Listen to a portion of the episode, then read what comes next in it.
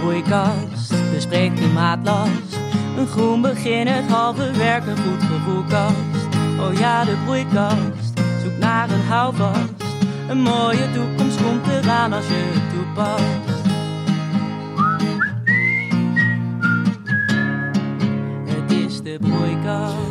Hallo lieve luisteraars, leuk dat jullie weer luisteren naar de Broeikast. Eh weet niet of het vanaf je fiets is, of van in de trein, of gewoon lekker op je bank.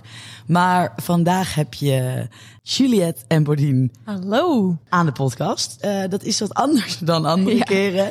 En dat is leuk bij het allermoeilijkste onderwerp van deze podcastserie. Ja, Fred en Jet hebben eh, het even aan ons gelaten om de energietransitie uit te leggen. Dat waarderen we enorm, maar we zijn wel op zoek gegaan naar een waardige vervanger voor onze, onze lieftallige Frederik en Jet. Eh, voor degenen die de webinar hebben gezien, is dit een bekend gezicht, of nou ja, in dit geval een bekende stem. Eh, hij is een hele energieke man, hij weet onwijs veel over de energietransitie. En hij gaat ons een beetje ondersteunen in, eh, ja, tijdens deze podcast. Het is niemand minder dan Ruud Koornstra, onze nationale energiecommissaris. We bellen hem even We op. bellen hem even op. Hij kon hier niet live bij zijn. Dus als het goed is. Zit in zijn Ja. Tesla Hi. Ruud. Je bent live in de broeikast. Goeiedag. Goeiedag. Eh ik heb je net eh, een beetje geïntroduceerd. En dat je dus onze nationale energiecommissaris bent. En dat jij ons vandaag gaat ondersteunen. Omdat we het toch met z'n tweeën moeten doen. En het is een vrij moeilijk onderwerp. En eh, we vroegen ons eigenlijk af of je er zin in hebt. Heel erg veel zin. En het is me een eer om dit te mogen doen. ja, wat leuk. Je zit nu in je Tesla, klopt dat? Ja, ik ben net er binnen gestapt, Yes. want daar is het het meest rustig. Oh, dat is fijn. In coronatijd loopt natuurlijk iedereen in dat huis en vooral kinderen. Dus dan moet je gewoon, dan heb je rustige Dan plek ga je even in je Tesla zitten. Dat is de Heerlijk. rustigste plek. Nou, ik ga beginnen met even een korte introductie over de energietransitie. Eh, we zitten midden in de grootste energietransitie in de geschiedenis van de mensheid.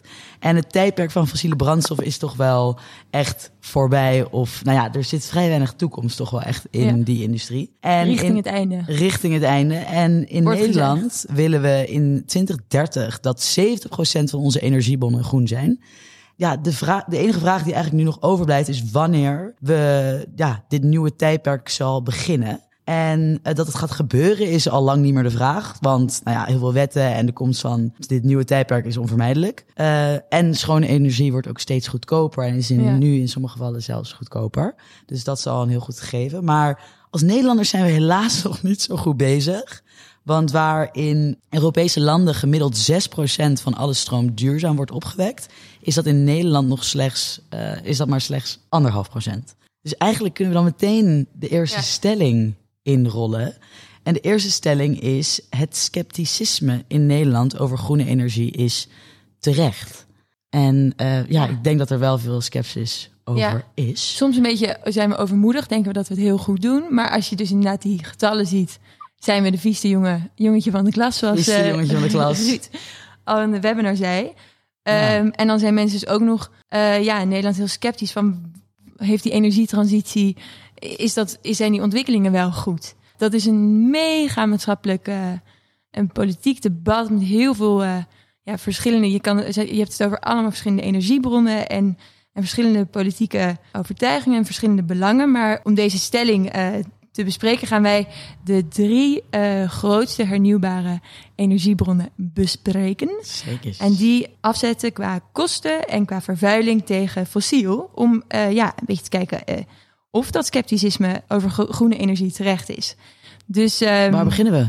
we beginnen bij the one and only solar panels. De zon. Ja, de zon die geeft natuurlijk aan één stuk door energie aan de hele wereld. Dat is onze grootste energiebron. Eh, dus laten we die ook maar gaan benutten, zegt het team Zonnepaneel. Precies. Ja, vroeger waren zonnepanelen eh, ontzettend duur. Het was duur om te maken en geen, geen aantrekkelijke energiebron geweest. Maar inmiddels is het op weg om de goedkoopste energiebron te worden. Qua het puntje hoe vervuilend is zonne, zon- zijn zonne-energie. Ja, je hebt zonneparken en je hebt zonnepanelen. Als je een zonnepark zou je kunnen zien, dat is net zoals een kolencentrale. Heb je een zonnepark eh, energiecentrale. En die is, eh, als je die vergelijkt met een kolencentrale, is die 94% minder CO2 stoot die uit als je de hele levenscyclus van een zonneparkcentrale vergelijkt met een kolencentrale. Dus ook het maken van de zonnepanelen en Ja. alles wat eraan vooraf gaat. Ja, en ook Ja. alles wat er als het eh, als een zonnepaneel niet meer bereikbaar is, er ook aan. Oh, oké. Dus qua En dat CO2-uitstoot. wordt- En dat wordt ook elke keer beter. Want eh, als je die zonnepanelen dan met zonnepanelen gaat maken. Ja. En niet met de oude eh, energiemix. Dus hij wordt steeds gunstiger. Ja. Oh, oké. Ja. Dat is wel cool, dat zonnepanelen met de energie van zonnepanelen Ja. worden gemaakt. Win-win-win. Ja. Win-win. Dus het is minder CO2-uitstoot. En het is ook niet vervuilend eh, wat betreft ja, alle schadelijke stoffen die vrijkomen bij een kolencentrale. Zoals eh, zwavel en kwik en eh, luchtverontreiniging waar miljoenen mensen aan overlijden. Dus in die zin is het eh, heel positief wat betreft het puntje vervuiling. Maar het is wel... Ruud, ik ben benieuwd wat jij daarvan vindt. Het is qua recyclebaarheid was er heel veel kritiek op zonnepanelen. Want ehm, het, is, eh, het is lastig te recyclen en het brengt veel chemisch afval. Maar daar, ehm, ook daar, dat is goed in ontwikkeling. Ja, en het probleem van eh, recycling. Als je dat goed doet, niet het probleem. De uitdaging bij recycling is dat je dus grondstoffen weer tot grondstoffen maakt. En het enige wat je daarvoor nodig hebt, is van buitenaf eh, energie. Dus als je daarvoor duurzame energie gebruikt, dan is recycling dus ook heel erg te doen. En hoe goedkoper die energie wordt, hoe eenvoudiger het wordt, dus ook wordt, financieel, om er een businessmodel van te maken, om eh, hetgeen wat je nodig hebt om een zonnepaneel te, malen, eh, te maken, niet uit een mijn haalt, maar uit een oud zonnepaneel. Ja. Daar heb je misschien wel iets meer energie voor nodig dan uit de mijn, hoewel dat Mm. ook niet altijd zo is. Maar- Dus je moet hem, ja, die circulaire economie en die circulaire eh, grondstoffenkring die we moeten sluiten, die kun je sluiten doordat je de energie van buiten de aarde gebruikt en niet van uit de aarde. Ja, oké. Maar Jetty, heb jij nog eh, iets over zon? eh? Nou, ik dacht, nou ja, als laatste puntje van zon kunnen we het hebben over hoe, ja, hoe duur is, eh, zijn de zonnepanelen op dit moment. En als je nu, eh, ik, had, ik heb even het huis, het dak van mijn ouders, eh die blijkbaar heel goed om daar zonnepanelen op te zetten. Oh. Heb ik vandaag even onderzocht. En als zij, dat zou voor hun, zouden ze dan 12 zonnepanelen eh, kopen. En dat zou een investering van 5079 euro zijn. Nou, dat is wel een eh, goede investering. Ja. Eh, en dat zou je dan, dan zou je 862 euro per jaar aan je energierekening besparen. En dat dus in zes jaar terugverdienen. Dus Ja. eh, Mooi, hè? Mooi hè? Wou Ja. ik bijna zeggen. Ja. En als je nu 5000 euro op de bank zet, ik weet niet hoe het bij je ouders zijn, maar dan is de kans groot dat ze gewoon moeten bijbetalen in plaats van rente krijgen. ja, Nou, dat klinkt echt top. Ja, Ehm, Ik denk dat ik hem doorpak op wind. ja. Nee, Ja? Mag ik nog één opmerking maken over zon? Nog ja één. hoor, Eh, in, het, eentje in, het dan. land, in het land waar olie het allergoedkoopst is, Saudi-Arabië. Ja. Daar is echt, eh, en Dubai en dat hele gebied daar. Daar, daar is olie echt goedkoper dan water, is ook bij. En daar hebben ze eh, twee jaar geleden een inschrijving gedaan voor de energievoorziening van een paar grote steden. En toen was de conclusie, degene die daar won op geld, was iemand die het aanbood op het gebied van zonne-energie. Dus zelfs in het land waar de olie goedkoop is, dan moet ik meteen ook zeggen, daar schijnt de zon ook goed. Ja. Ehm, daar, is, daar is vandaag eh, zon al, al koper dan, dan olie. Nou, en dan kijken we naar, zo- naar wind. Ehm, dat is natuurlijk ook een veelgebruikte hernieuwbare bron. En de CO2-uitstoot is van eh, windenergie is 50 keer lager dan die van grijze stroom. Dus die dus opgewekt wordt vanuit fossiele brandstoffen. En het benutten van deze windenergie kan in de komende 30 jaar de belangrijkste bijdrage gaan leveren om opwarming van de aarde tegen te gaan. En ik, ik las het stukje wat je naar mij had doorgestuurd, Jetty. En dat is één rotatie levert genoeg energie op voor het dagelijks gebruik van een compleet huishouden. Dat Ja. vond ik echt. Dus ja. wel echt heel je, efficiënt. ja, super efficiënt. Kan je bijna niet echt bevatten. En ik vond ook cool om te lezen dat in de VS is het potentieel aan windenergie in alleen al drie staten, dus Texas, Kansas en North Dakota, groot genoeg om het hele land van energie te voorzien. Dus ja, er valt gewoon heel veel te halen in windenergie. En het wordt ook steeds goedkoper. Ja. Ik ben iets minder op die kosten ingegaan dan jij, maar je, je, je ziet dat het over de jaren heen, met de subsidies die er ook voor worden, eh, voor worden vrijgemaakt, dat het gewoon steeds goedkoper wordt. En Ja. een stuk goedkoper wordt dan fossiele energie. Nu zie je wel nog dat het best wel vergelijkbaar is in prijs, maar voor de consument, die merkt daar niet zo heel veel van, omdat bedrijven heel erg bezig zijn met zich meer richten op duurzame energie. En, Ja, hoewel vanda vandaag, eh, de, wat jij roept, nog steeds eh, subsidie. Eh, de windmolens op zee krijgen vandaag geen subsidie meer, want het levert al meteen geld op. Eh, dus dat, dat is in zeven jaar tijd van ongeveer 15 cent per kilowattuur uh, nu naar rond de 4 cent per kilowattuur gegaan in de ontwikkeling.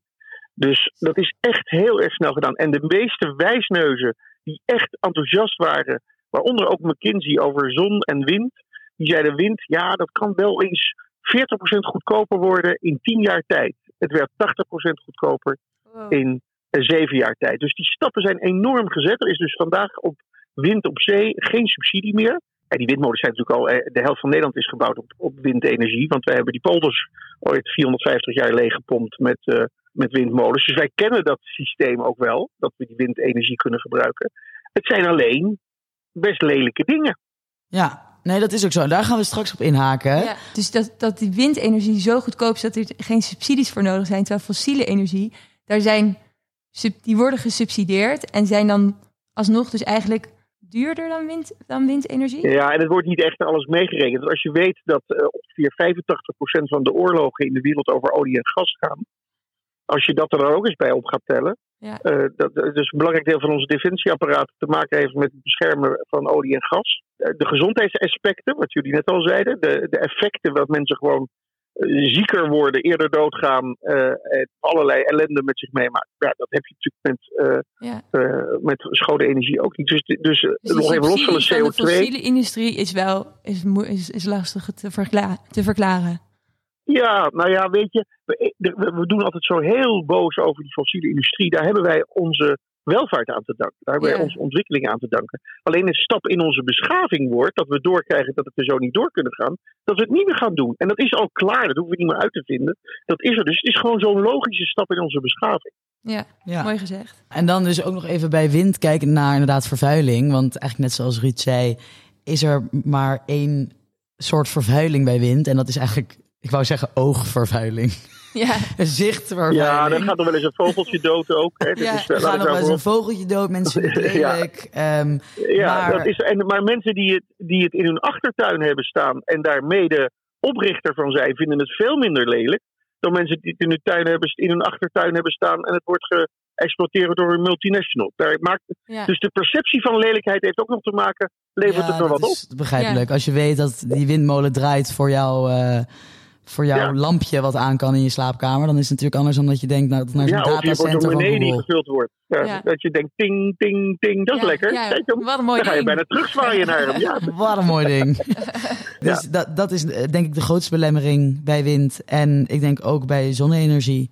En ja, we hadden nog één ander heel mooi... Um, Waar, waar, we eigenlijk in zeggen ook, want Jetty en ik weten eigenlijk helemaal niet zo superveel over de energietransitie. Nee. Maar waterstof ja. is dus ook een heel groot deel van de energietransitie. Kan jij daar meer over uitleggen, Jetty? Ja, nou, uh, belemmeringen bij zonne-energie en windenergie is, nou ja, dat is soms niet wijd. En bij zon is, het, is overdag de zon het sterkst, dus kan je het meeste energie opwekken, maar je hebt je lampen vooral s'avonds nodig. Dus het ritme van de zon en de wind is niet altijd voordelig voor wanneer we onze energie nodig hebben. En daarom is waterstof uh, ook een belangrijke ontwikkeling binnen ja, het klimaatakkoord van Nederland. Want wat waterstof, en dan heb ik het over groene waterstof, die, dat wordt door uh, elektriciteit. De, Ruud, je moet in, in, in uh, inspringen als het, als, als het niet ja, klopt. Ik ben zo onder de indruk wat jullie allemaal weten al, dat ik denk, daar moet ik er als wijsneus weer tussendoor nee, gaan. Nee, nee. Nou, waterstof is een accu. Je ja, dat is een accu. Vergelijken met een accu. Maar Jette, jij kan het supergoed ja. uitleggen. Dus jij gaat het eerst uitleggen en dan kan Ruud inspringen als er iets niet klopt. Laten we dat doen. Oké, dus uh, groene waterstof is een keer. Groene waterstof, die, dat kan je uh, opslaan. Dus uh, waar je zon en wind niet kan opslaan, kan je zon- en windenergie gebruiken om waterstof te maken, groene waterstof te maken. En dat betekent dat je van een glas water scheid je het zuurstof en het waterstof. Er zit zuurstof en waterstof in een glas water. Dat scheid je. En het waterstof, dat is, um, kan dan worden opgeslagen. En daar kan je bijvoorbeeld je hydrogen auto mee tanken, zou je dat dan nog noemen. Dan verbrand je de waterstof die in je auto zit. En in plaats van dat daar uh, vieze stoffen uitkomen, komt daar gewoon, druppelt daar water uit. Dus dat is, um, dat is waterstof in een notendop. En dus het is heel positief, want, het, want je kan het heel makkelijk opslaan. En je hebt geen elektrische batterijen. De, de grondstoffen voor elektrische batterijen zijn heel zwaar, maar dat heb je niet bij de opslag van waterstof. Maar een nadeel is om waterstof te maken heb je heel veel elektriciteit nodig. Dus heel veel mensen zeggen, uh, of critici zeggen, ja, waarom gaan we elektriciteit benutten voor waterstof als duurzame elektriciteit ook kunnen benutten voor. maar je kan, je kan waterstof, uh, waterstof kun je toch ook gebruiken om uh, als opslag. Oké, ja, dit is waar Ruud moet ingrijpen. Want dit was inderdaad... Nou, maar jullie vertellen het allemaal goed, het klopt. Je moet het zien als een accu en je moet, uh, je moet dat spul maken. Dat maak je van water. En dan doe je het, je kan het of verbranden of je doet door een brandstofstel, dan wordt het weer elektriciteit. En dan, als je het verbrandt, dan kan hoogovens er ook staal mee maken. Dus je kunt, je kunt het gewoon zien als gas. Het is een heel schoon gas. Je roept het is makkelijk te bewaren. Dat is niet helemaal zo, want je moet het of onder druk bewaren of um, uh, onder hele lage temperatuur, min 251 graden geloof ik Celsius. Dus dat is heel koud. En uh, dan kan je het uh, bewaren. Sinds kort is er een doorbraak op het gebied van dat je het kunt koppelen aan een, aan een natrium, aan een zout. En dan heeft het opeens, kan je het weer heel makkelijk gebruiken. Kan je, dan moet je het een beetje kan het zien als graan.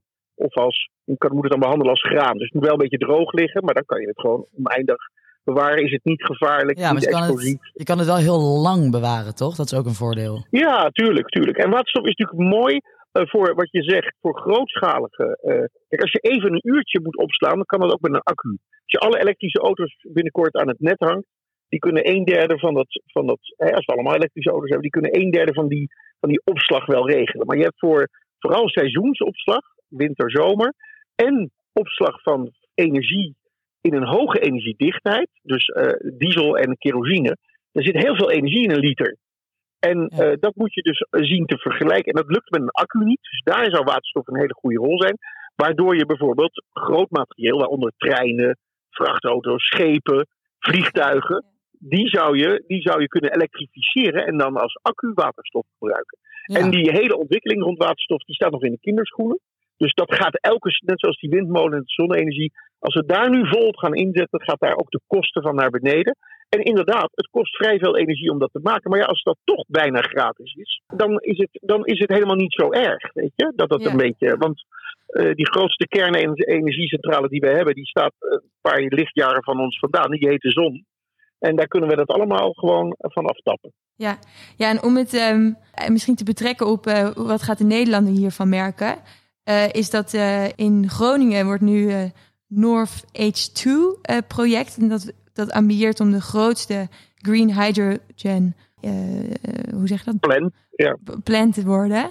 Ja. Dus dat gaan we als Nederlanders in vorm van banen en verdiensten merken. Ik, uh, ik pak hem even door naar. We hebben dus nu zonne-energie, windenergie gehad en waterstof. Maar dan willen we natuurlijk toch wel even kort hebben over fossiele brandstoffen. Want veruit de meeste energie die we gebruiken, namelijk uh, 93%, komt van fossiele brandstoffen. Zoals aardolie, aardgas, kolen.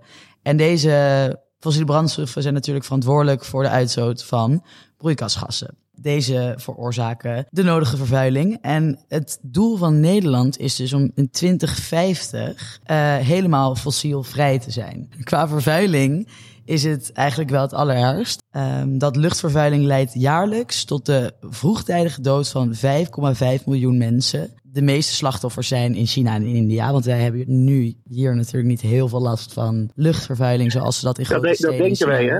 Top 7 slechtste gebiedjes om te wonen, de Randstad Nederland met een beetje Duitsland en België, dat kun je vergelijken met een, plekje, met een aantal plekjes in China, een aantal plekjes, één plekje in Italië, in, in Zuid-Amerika, rond Mexico City. Wij zijn echt, het, het lijkt zo niet, maar het is echt vies hier. Ja. In deze omgeving waar wij ja, wonen. Dus wij dat merken dat wel hoor. Ja, ja. ja. Maar ja, dat is denk ik een van de grootste problemen daarmee. En ja, qua kosten, zoals ik net al zei, tussen groene en grijze energie is er nu niet een heel groot verschil. Ik denk dat we straks, als we de testronde gaan doen, hebben we daar ook even over.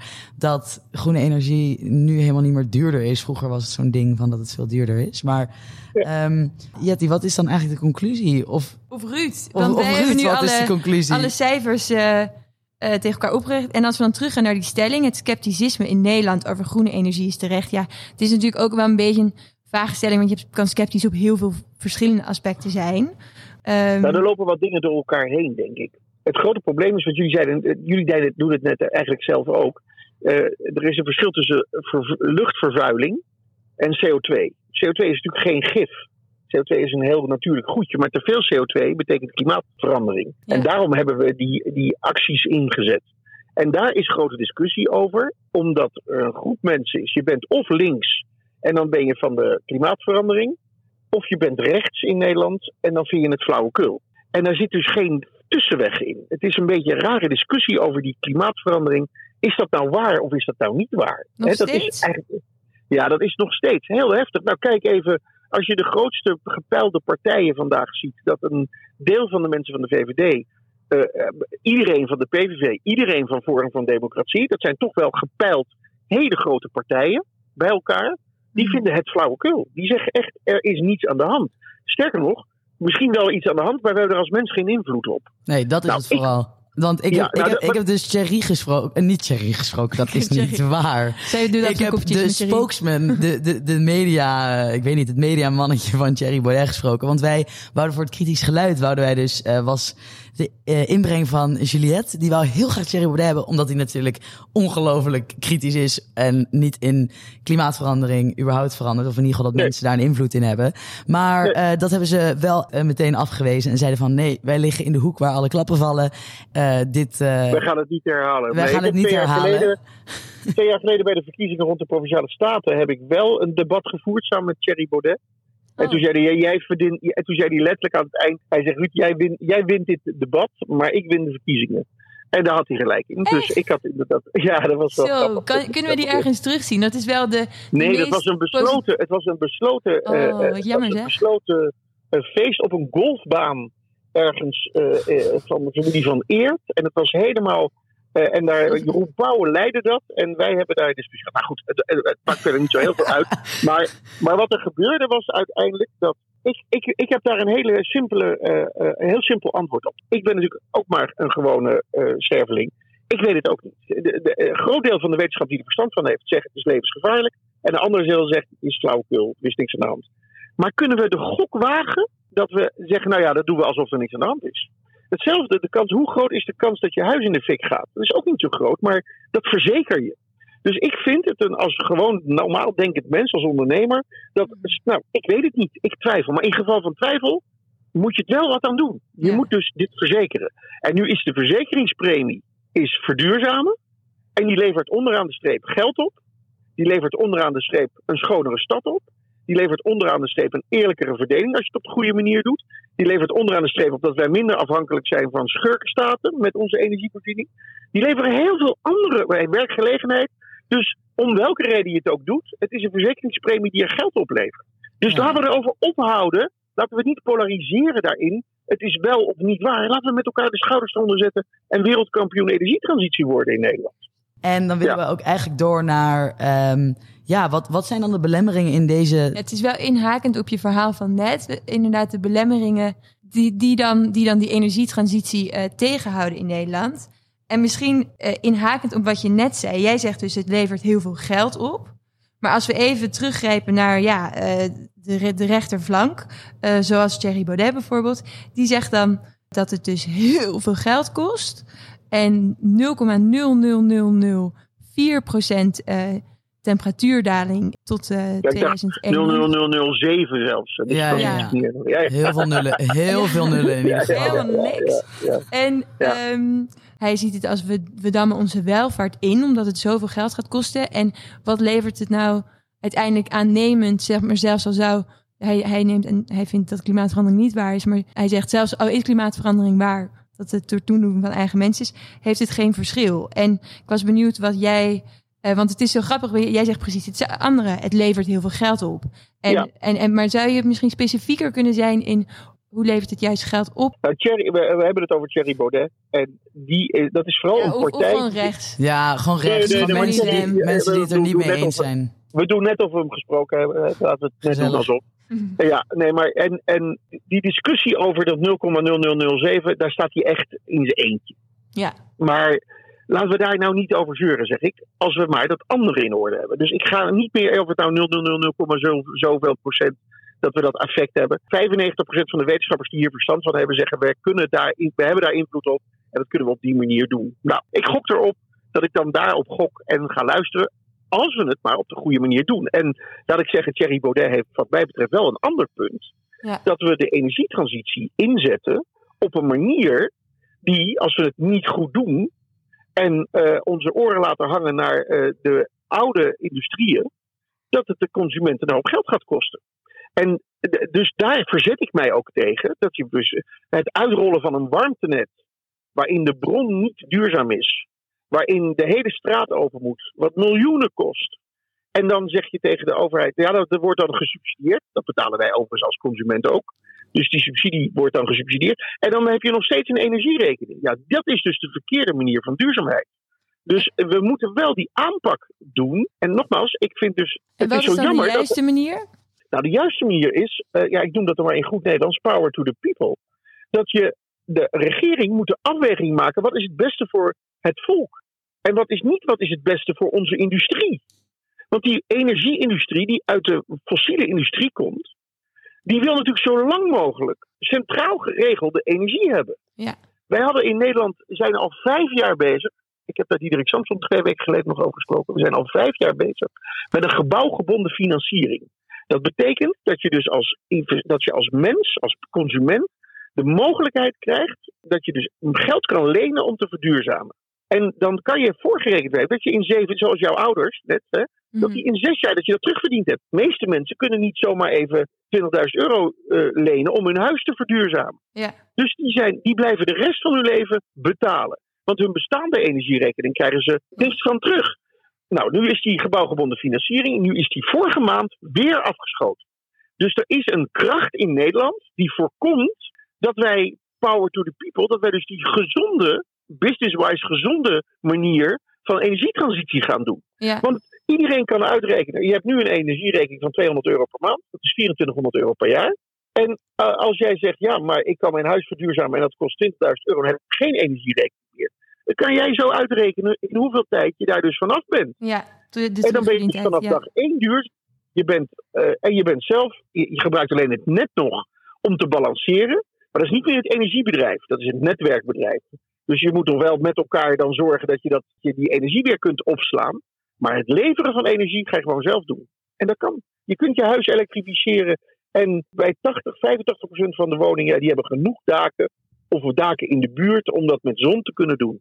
Oké, dus ja, maar dat is eigenlijk wel heel- interessant wat je zegt. Want je zegt dus op de juiste manier is power to the people. Maar, maar je zegt hoe dat nu bij de overheid gaat. Dat zullen we kunnen we ook terugzien in jouw documentaire die binnenkort live komt. Dat die houdt het tegen dat, we, dat mensen zelf eh, elektriciteit en energie kunnen ehm, zelfvoorzienend kunnen gaan maken. Dus Wij zorgen dat het nog centraal precies. als groep rijdt. Wij zijn een polderland. Dat betekent dat we naar iedereen luisteren. Dat is op zich wel een mooi, mooi gegeven. Alleen de invloed van sectoren in Nederland is groter dan de invloed van het volk.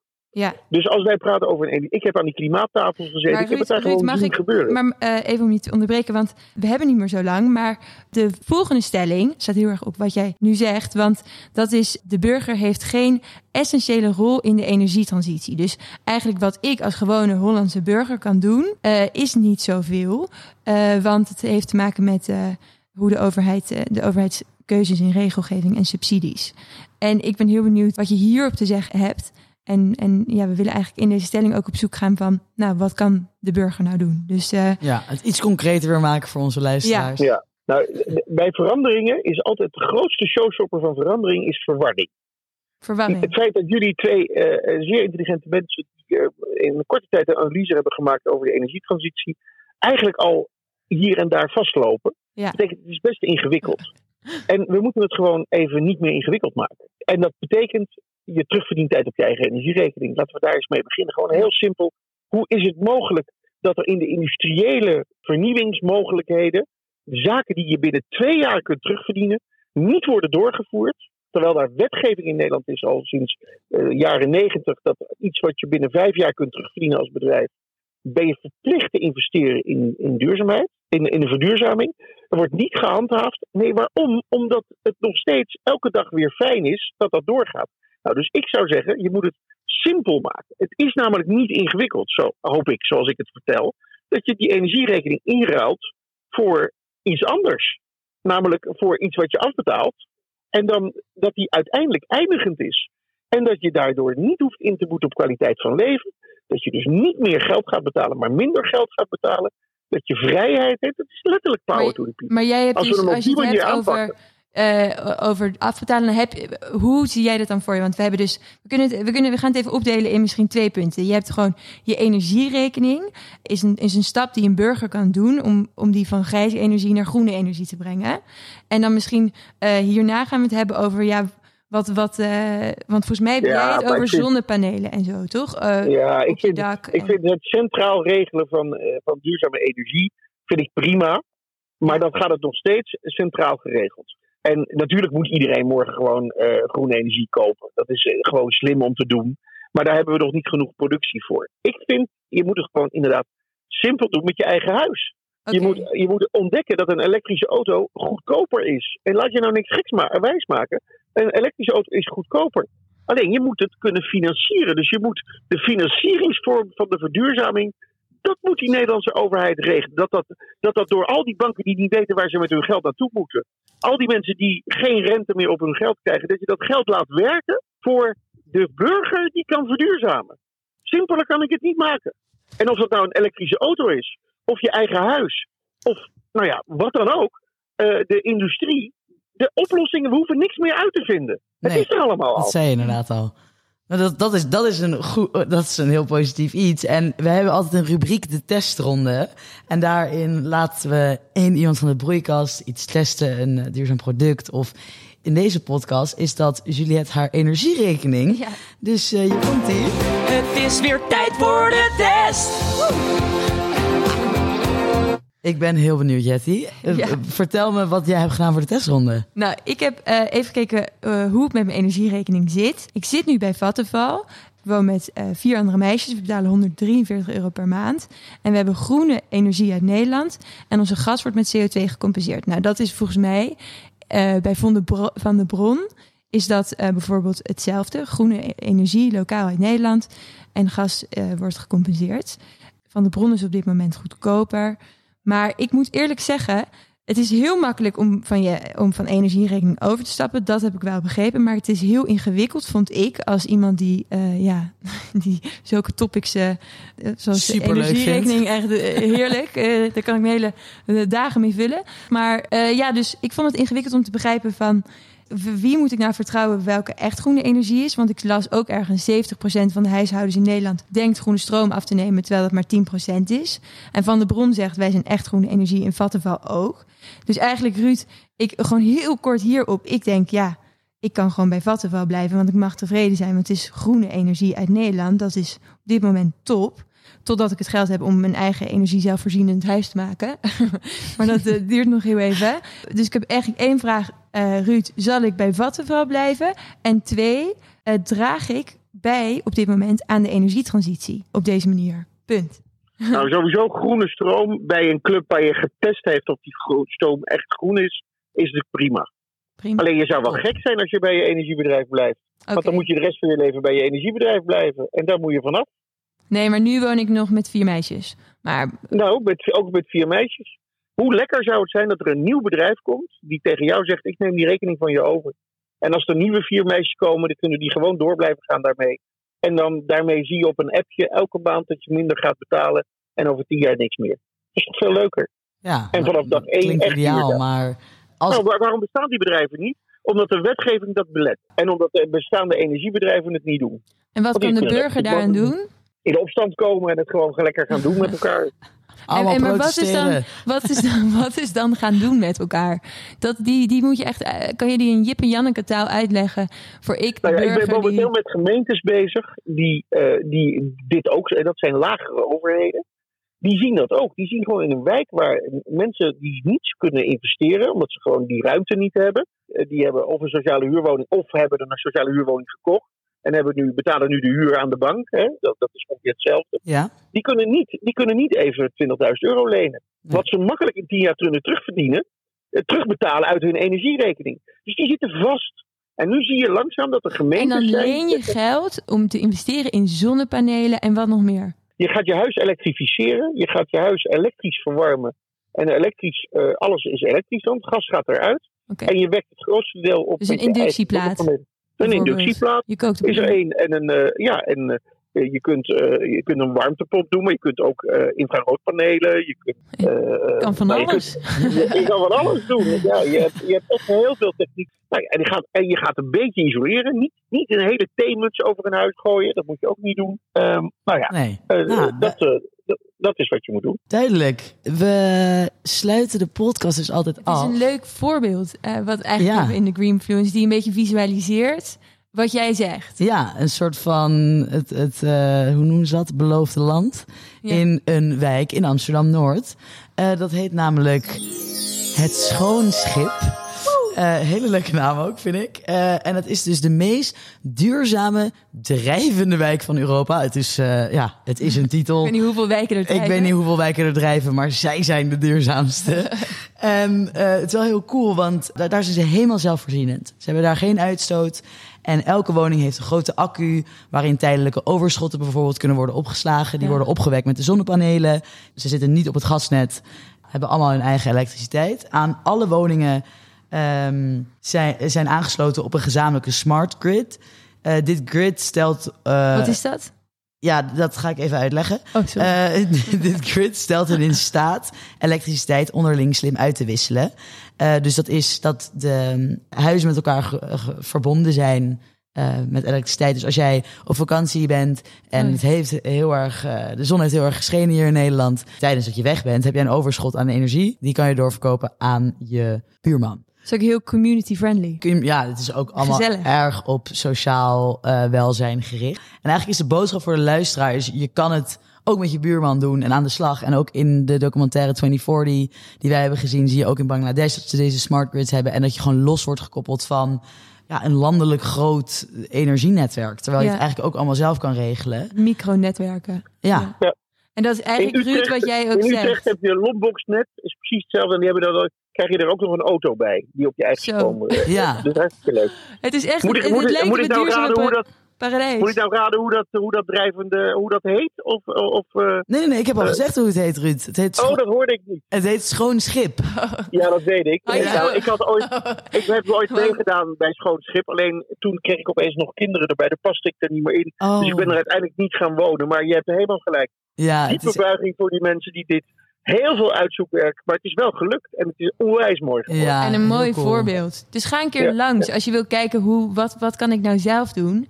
Dat is daar een levend voorbeeld van wat je kan doen. Het zit in Amsterdam-Noord. Ruud, als jij zeg maar een korte key takeaway van, van eh, zou willen meegeven aan, aan de luisteraar. Ja. Nou, wij hebben, in Nederland, wij hebben in Nederland het vernuft, het ondernemerschap en het geld om wereldkampioen te worden in de energietransitie.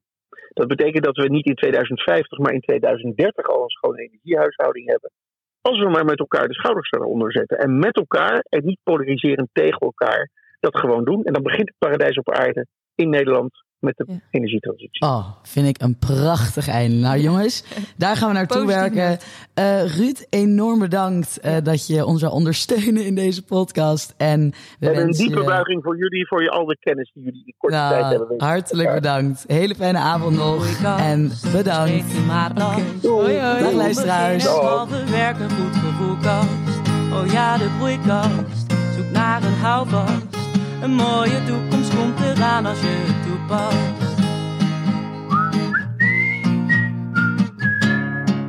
É e deste boigal.